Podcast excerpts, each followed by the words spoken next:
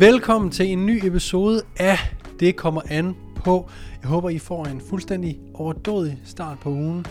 Og jeg håber, I har haft en fuldstændig overdådig off-season med træningen. Altså en periode, hvor I har prøvet at øge muskelmassen og styrken, og måske også spist en lille smule mere. Fordi det er ved at være tid til at snakke om, øh, hvornår er det en god idé at komme i sommerform.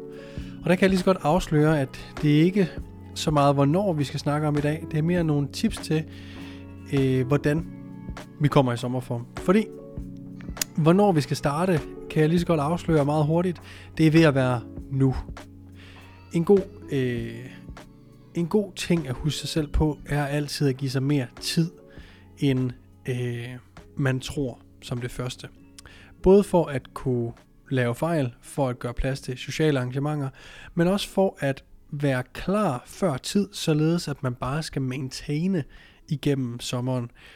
Så det er jo træls at starte sit cut, således at du er færdig med det i juli måned, hvor du har haft måske maj og juni, altså hele to måneder, hvor du gerne vil have været i form. Så er det federe at planlægge, at man skal være klar i start midt maj, og så har hele sommeren derfra til ligesom at holde formen, inden man går i gang med at øge øh, kalorierne og muskelmassen endnu en gang. Men i dag, der vil jeg komme med tre øh, tips, som ikke bare er, at du skal spise mindre og bevæge dig mere. Jeg prøver at komme med nogle ting, som I måske ikke har tænkt over, eller som i hvert fald bare er rigtig, rigtig gode at huske på. Så, den første, det er at tracke så mange ting, som vi nu kan. Når vi skal lave nogle offringer, som for eksempel, at vi skal til at bevæge os mere. Vi kan ikke bare sidde på sofaen. Vi skal til at spise mindre. Vi kan ikke bare tage ud og spise, som vi har kunnet førhen. Jamen, så er det rigtig godt at minde sig om, hvorfor det er, man gør det, og at man kan se, at man bevæger sig i den rigtige retning. Så sådan noget med at sørge for at tracke sin fremgang ved at veje sig, selvfølgelig. Så for, du har et sheet over, øh, hvad din daglige vægt er, og så sørg for, at du tager gennemsnittet for hver uge, fordi vægten vil altid gå op og ned fra dag til dag. Det kan være alt fra, hvor meget du har sovet, hvor godt du har sovet, hvor meget du bevægede dig dagen inden, hvor hvordan dine måltider lå. Spiste du mange måltider, inden du gik i seng, eller spiste du lang tid før du gik i seng? Alle mulige ting har indflydelse på, hvad vægten i morgen kommer til at sige, men kun fordi, og sandsynligvis fordi du vejer dig nogenlunde på samme tidspunkt hver dag, og det kan også være, at i weekenden, så vejer du dig tre timer senere på dagen, end du plejer, og derfor er vægten anderledes fra dag til dag i weekenderne. Der er så mange ting, der spiller ind på den daglige indvejning, så øhm, sørg for, at du kigger på gennemsnittet for ugen, fordi de ting, de vil udligne sig på en ugenlig basis, og det er meget mere øh, for det første korrekt at se, øh, det er mere, øh, det er mere et korrekt billede af, hvordan dit cut går, når du kigger på det ugenlige gennemsnit, end det er på det daglige, for det vil altid gå op og ned. Og det er sådan, jeg gør med mine klienter. Jeg kigger aldrig på øh, de ugenlige, medmindre de spørger til det, hvordan kan det være, og så spørger jeg ind til netop de ting, jeg lige listede her. Hvordan har din søvn været? Hvordan var din øh, madrutine kontra normalt? Og så videre, og så videre. Øhm, så sammenlign gennemsnittene fra uge til uge. Derudover så sørg for at tage nogle centimetermål. Tag dem rundt om skuldrene, rundt om brystet, rundt om armene, hoften, maven, ballerne, lårene, læggene, således at du kan se, at du øh, faktisk bliver mindre. Vi vil jo gerne fjerne fedt og vedligeholde muskelmassen, og det betyder, at du vil blive mindre over det hele. Desværre så bliver dine arme også mindre, men heldigvis så bliver de mere markeret og ser større ud, selvom de måske mister 2 cm. Så det vi gerne vil se, når vi tager centimetermål, det er, at vi der, hvor vi holder mest fedt, det vil typisk være mave, hofte, balle eh, region, og for nogen vil det være individuelt, at nogen har meget på benene, eller nogen har meget på overkroppen og meget lidt på benene. Der vil være nogle individuelle forskelle. Om ikke andet, du vil kunne se på dig selv, hvor der sidder mest fedt, og det er også der, du vil se de største ændringer. Så vi vil helst ikke se den store ændring på armene. Vi vil helst ikke smide 20 cm på armene, øh, men vi vil måske gerne smide 20 cm på maven. Så øh, det er alt sammen igen for at du visuelt kan se, at der sker noget ved det her data. Derudover så er der selvfølgelig også sådan noget som billeder. Tag nogle billeder i noget naturligt lys foran et vindue, ligesom jeg sidder her i podcasten, øh, hvor lyset, og gerne på et tidspunkt, hvor der er lyst, og du kan have den samme mængde lys hver gang. Det kan sådan set også være ude på badeværelset, hvor der måske ikke er nogen vinduer. Øh, men sørg for, at de er så standardiseret som overhovedet muligt, de her billeder. Øh, og tag dem løbende, således at du kan se, at der sker noget fra måned til måned. Så hvis du på en måned har smidt 4 kilo, jamen så sikrer jeg dig, forsikrer jeg dig for, at du også kan se det på billederne. Og når du en, en måned efter har smidt øh, 2-3 kilo mere, eller 4 kilo mere, jamen så vil du kunne se, hov, der er faktisk sket rigtig meget fra billede 1 til billede 3 nu. Så sørg for, at du tager foran, fra siderne og bagfra, og måske nogle af dine favorit poses. Øhm, men sørg ligesom for, at du, øh, du tager billeder og har de her ting at, at måle på løbende. En sidste ting, jeg synes, du skal måle på, og som du forhåbentlig allerede gør, men det er din træning. Vi vil helst ikke ændre noget i vores træning, og når vi går i et kalorieunderskud, så for at vi vedligeholder vores muskelmasse bedst muligt, jamen så bliver vi nødt til at stadigvæk presse os selv og se fremgang i træningscenteret. For ja, vi skal stadigvæk lave progressiv overload, selvom vi er i et kalorieunderskud.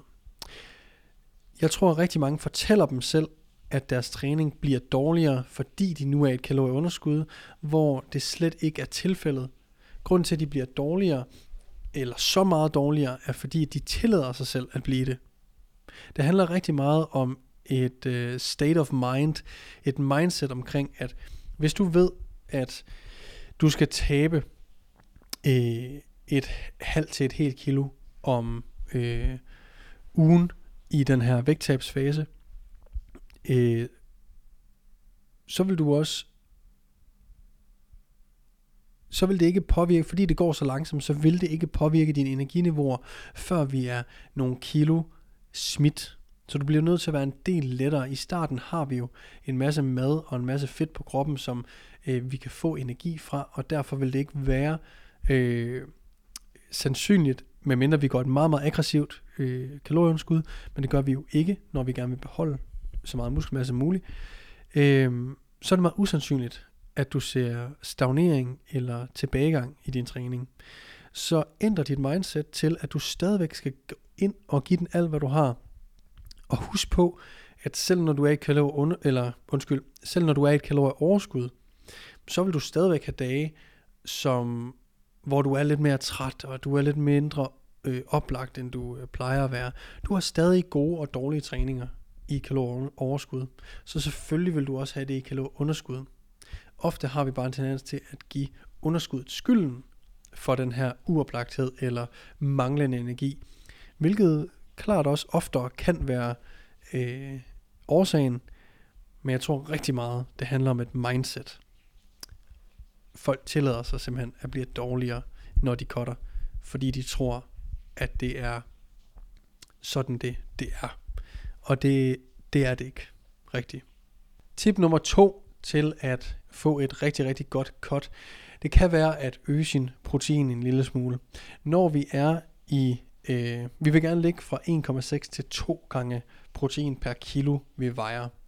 Og når vi er i kilo overskud, så kan vi sagtens komme afsted med at være i den lidt lavere ende. Og hvis du har været det, så vil jeg anbefale dig at gå op til 2 gram per kilo kropsvægt. Øhm, egentlig bare for at være på den sikre side i forhold til at vedligeholde muskelmassen, men jeg har også erfaret anekdotisk, at de fleste ofte øh, spiser rigtig meget protein, så det er ikke fordi, at hvis du har ligget på to gange, øh,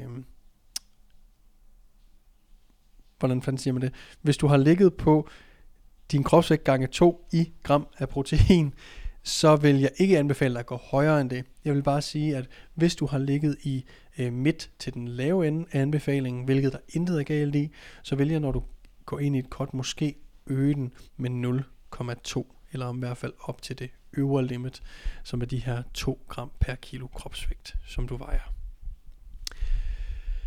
Det tredje og sidste råd til at få et godt cut er, og nu går jeg måske imod det, jeg sagde til at starte med, fordi det er jo selvfølgelig, du skal bevæge dig noget mere, men jeg er stor fortaler for, at vi øger og tracker vores skridt.